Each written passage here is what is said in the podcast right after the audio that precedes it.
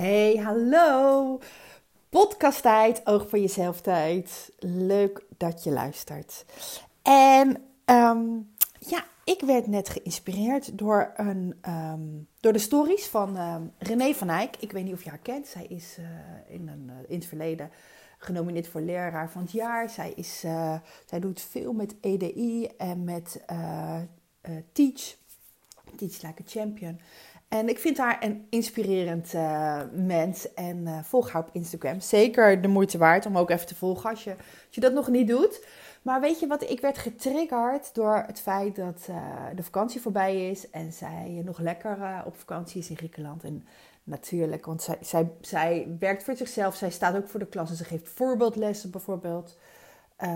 maar ze heeft ook haar eigen bedrijf, net zoals ik. En... Um, en ze, stelde een vraag van in hoeverre uh, ben jij vrij om je tijd zelf in te delen. En toen dacht ik, oh, dat vind ik eigenlijk wel een interessante om uh, een podcast over op te nemen. Omdat um, ik nu, ik voor mezelf werk, heel veel vrijheid ervaar. En me realiseer dat ik het eerder ook al had toen ik nog voor de klas stond, toen ik nog bij, vast op, op één school werkte. Alleen dat toen eigenlijk helemaal niet me ervan bewust was en daar eigenlijk niks mee deed. En daar wil ik graag wat over vertellen. Want um, we hebben best wel in het onderwijs wat verplichtingen. Ik bedoel, je werkt, uh, je werkt met kinderen. Um, nou zit er wel een beetje verschil trouwens in, in het voortgezet onderwijs of in het basisonderwijs. Omdat voortgezet onderwijs natuurlijk... Um, ja, de verhouding met lesgebonden uren, niet lesgebonden uren, is een beetje anders dan op de basisschool. En op een uh, voortgezet onderwijs gaat en komt iedereen sowieso al op andere tijden. Dus dan is het misschien ook wat makkelijker om eerder naar huis te gaan. Uh, omdat je niet zo doorhebt uh, of iemand al echt een soort van tussen aanhalingstekens smokkelt met zijn tijd of niet. op een basisschool is, is het toch wel vrij normaal dat je, ja, je hebt je werkdag, je hebt dan nog verplichtingen na school, je hebt overleg of je hebt um, vergaderingen, gesprekken met ouders, wat dan ook. Uh, die eisen aanwezigheid. Um, en, um, en je hebt ook altijd dingen die, die wel op school, maar ook wel thuis kunnen. Rapporten, toetsen, wat voorbereidend werk, ideeën uitwerken. En, um, en ik snap heel erg als je ervoor kiest om zoveel mogelijk op school te doen. Want dan is school school en thuis thuis. En dat is heel fijn. In het onderwijs, wat ik, wat ik ervaren heb zelf, maar wat ik ook zie bij de, de, de, de vrouwen waar ik mee werk en waar ik mee in gesprek ben, de juffen, uh, docenten, is dat, dat, het een, dat het heel lastig blijkt in de praktijk. Weet je, eigenlijk is het onderwijs niet te doen uh, om er niet in eigen tijd iets mee, uh, om, om daar nog eigen tijd aan te geven. En dat is helemaal oké. Um, er, er, ligt ook voor, voor, bij veel coaches merken een oordeel op die zeggen van ja, maar je moet niet meer in je eigen tijd werken. Weet je, laat werk, werk en thuis, thuis. En dat kan heel fijn zijn als dat werkt voor jou. Maar uh, ik had het er van de week ook nog e- over met een uh, dame die bij mij in, uh, in mijn programma zit, in Focus on Me. over. Ehm, ik, was, ik, was, ik had een coachcall en ze zat op school en het was vakantie. En ik zeg: Zo zit je lekker op school. ik zeg: Ben je thuis weggevlucht in de drukte om bij mij deze coachcall te doen? Of was je toch op school om aan de slag te gaan? Om even wat voor te bereiden. En toen vertelde ze ook hoe zij uh, aan het begin van de meivakantie uh, een dag is geweest en aan het einde ook weer even wilde gaan. Omdat het haar rust gaf en um, zo rust, zo met een goed gevoel kon starten na de vakantie. En ik herken me daarin. Ik deed dat ook. Ik, um, ik vond het ook heel fijn om, uh, om in het begin nog even wat losse eindjes af te ronden. En om aan het eind ervoor te zorgen dat, uh, dat ik weer helemaal klaar en fris en fruitig en alvast een soort van voorgewerkt had. Omdat het me de periode daarna rust gaf. En dan, dan was dat wel in een vakantie, maar dan was het niet zo dat ik heel de dag alleen maar met school bezig was. Dan zat ik gerust ochtends te werken. En dan zat ik smiddags met een, met een vriendin uh, op een terrasje bijvoorbeeld. Het kan gewoon en en. En, en het is belangrijk dat je doet wat voor jou goed voelt. Um, de een zegt van ja, maar je gaat toch niet nog werken als je als je op vakantie bent. De ander zegt, wat maakt het uit? Zo, zo heb ik vakanties. Ik heb vakanties dat ik echt op vakantie ben. Ik bedoel, ik, sinds ik niet meer voor de klas sta of, of echt aan een school verbonden ben, ben ik ook natuurlijk vrijer in het nemen van mijn vakantie. Dat betekent dat we vaak buiten de schoolvakanties gaan. Dat kan ook omdat ik grotere kinderen heb die niet meer meegaan. Um, ja, dat is gewoon financieel ook aantrekkelijk. Naast dat wij het heel fijn vinden om niet in een grote mensenmassa en druktes te zitten. Ehm, en, eh, en er kies ervoor soms wel om nog wat te werken en soms niet. En dat is ook waar, ik me goed bij voel.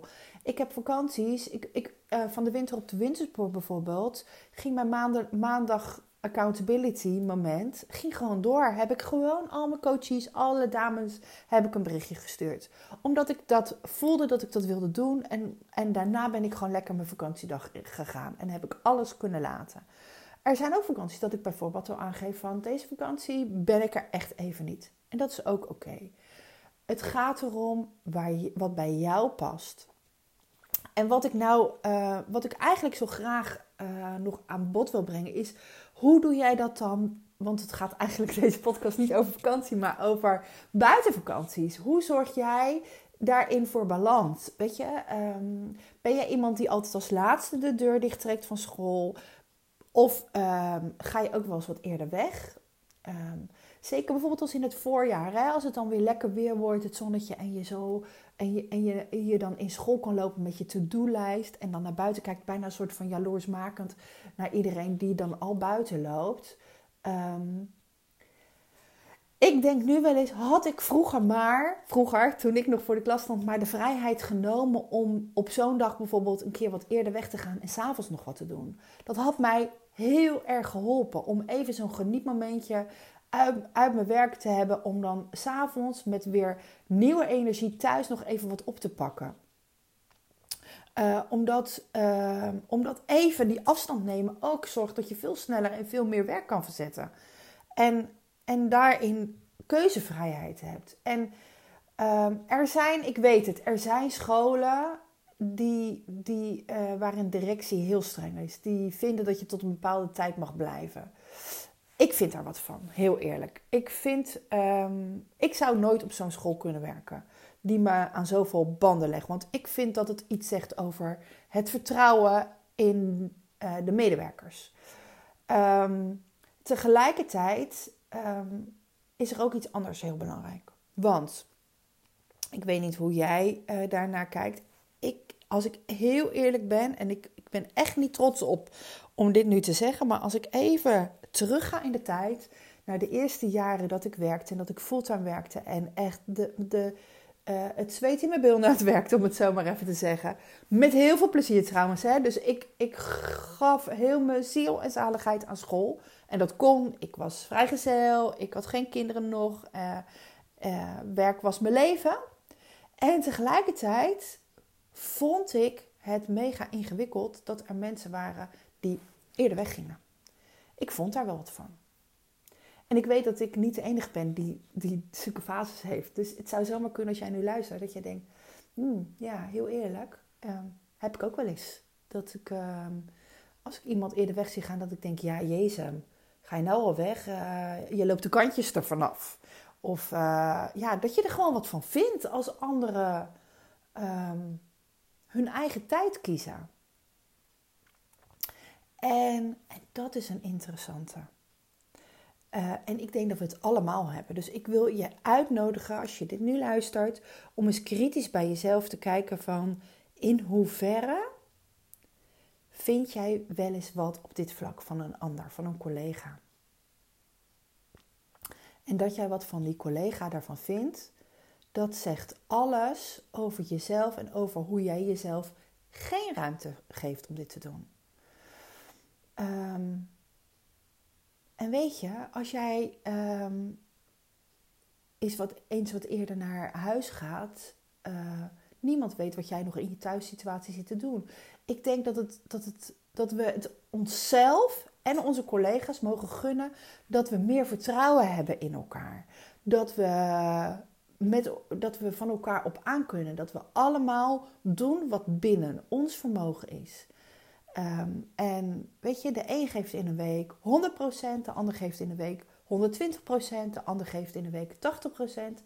Uh, eh, voor je, in jouw ogen, hè? maar het kan zijn dat het voor iedereen als 100% voelt.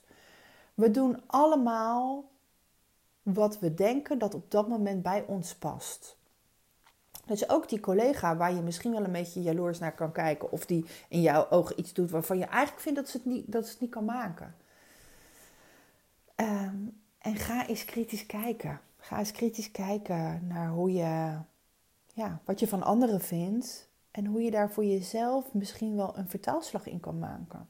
Hoe je jezelf daarin een verandering mag gunnen. Hoe je jezelf een beetje meer kiezen voor jezelf mag gunnen. Omdat als je een ander ergens voor veroordeelt, of een mening ergens over hebt, dan betekent het dat jij op dat vlak nog iets te ontwikkelen hebt.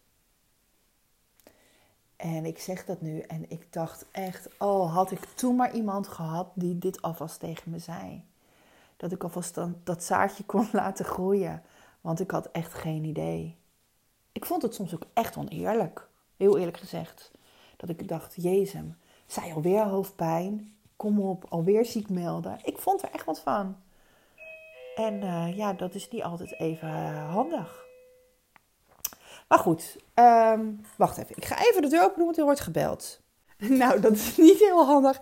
Heb ik mijn telefoon op vliegtuigmodus gezet. Um, worden gestort door de voordeur. Maar goed, dat is hij. Ik was eigenlijk al aan de afronden toe, maar ik wilde het niet helemaal afraffelen. Ik denk dat je de boodschap wel begrijpt uh, die ik wilde geven. En ik ben echt heel benieuwd of je, ja, of je als je, ik, oh, ik ga je vragen om echt even heel eerlijk naar jezelf te zijn. En uh, ja, het is oké. Het is oké als je dit soort dingen bij jezelf opmerkt. Weet je, we zijn allemaal maar mens. Uh, en gebruik het om er voor jezelf wat in te veranderen. Om, om voor jezelf misschien een andere keuze te maken. En is gewoon te gaan uitproberen wat bij jou werkt. En merk je nou uh, dat dit uh, een hele kluif is? Uh, ga dat dan, ga, vraag dan hulp. Of ga, ja, weet je, ga niet alleen doortoppen. Misschien is, is um, ik moet er nu ineens aan denken. Dat is niet eens de reden dat ik dit, deze podcast opneem. Maar ik geef 24 mei, en misschien hoor je het voor die tijd, um, een webinar Kiezen voor jezelf. Nou, dit, dit is een mooi onderwerp wat daarin voorbij zou komen. En hoe je, hoe je dat dan wel kan doen, anders dan je zou willen. Dus uh, als je nog niks in je agenda hebt staan en je gaat aan, geef je dan op via mijn website. Uh, bij gratis kun je het vinden. Nou, weet je wat? Ik zal het ook even onder deze, uh, in de, ze noemen dat de show notes, de, in de tekst bij deze podcast zetten. de link, dan kun je je opgeven. Ehm, super fijn als je er een uurtje bij bent, als je die 60 minuten aan jezelf geeft. Als je daarin kiest voor jezelf. En dan ga ik je een beetje verder helpen.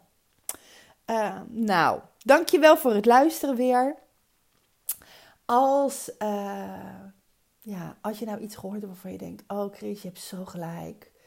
Uh, dit zouden eigenlijk meer mensen moeten horen. Dan zou ik het echt heel tof vinden als je hem wil delen met uh, collega's, met bekenden. Ja, mensen in het onderwijs, maar natuurlijk ook vrouwen er naar buiten zullen ongetwijfeld hier wat aan hebben. misschien wil je hem zelfs wel in je stories delen op, um, op Insta zou ik echt heel tof vinden. Want hoe meer mensen dit horen, hoe, uh, hoe leuker denk ik het onderwijs ook wordt om in te werken. Omdat het dan gewoon een nog fijnere omgeving wordt voor jou als juf, docent. En dat gun ik, dat gun ik jullie allemaal.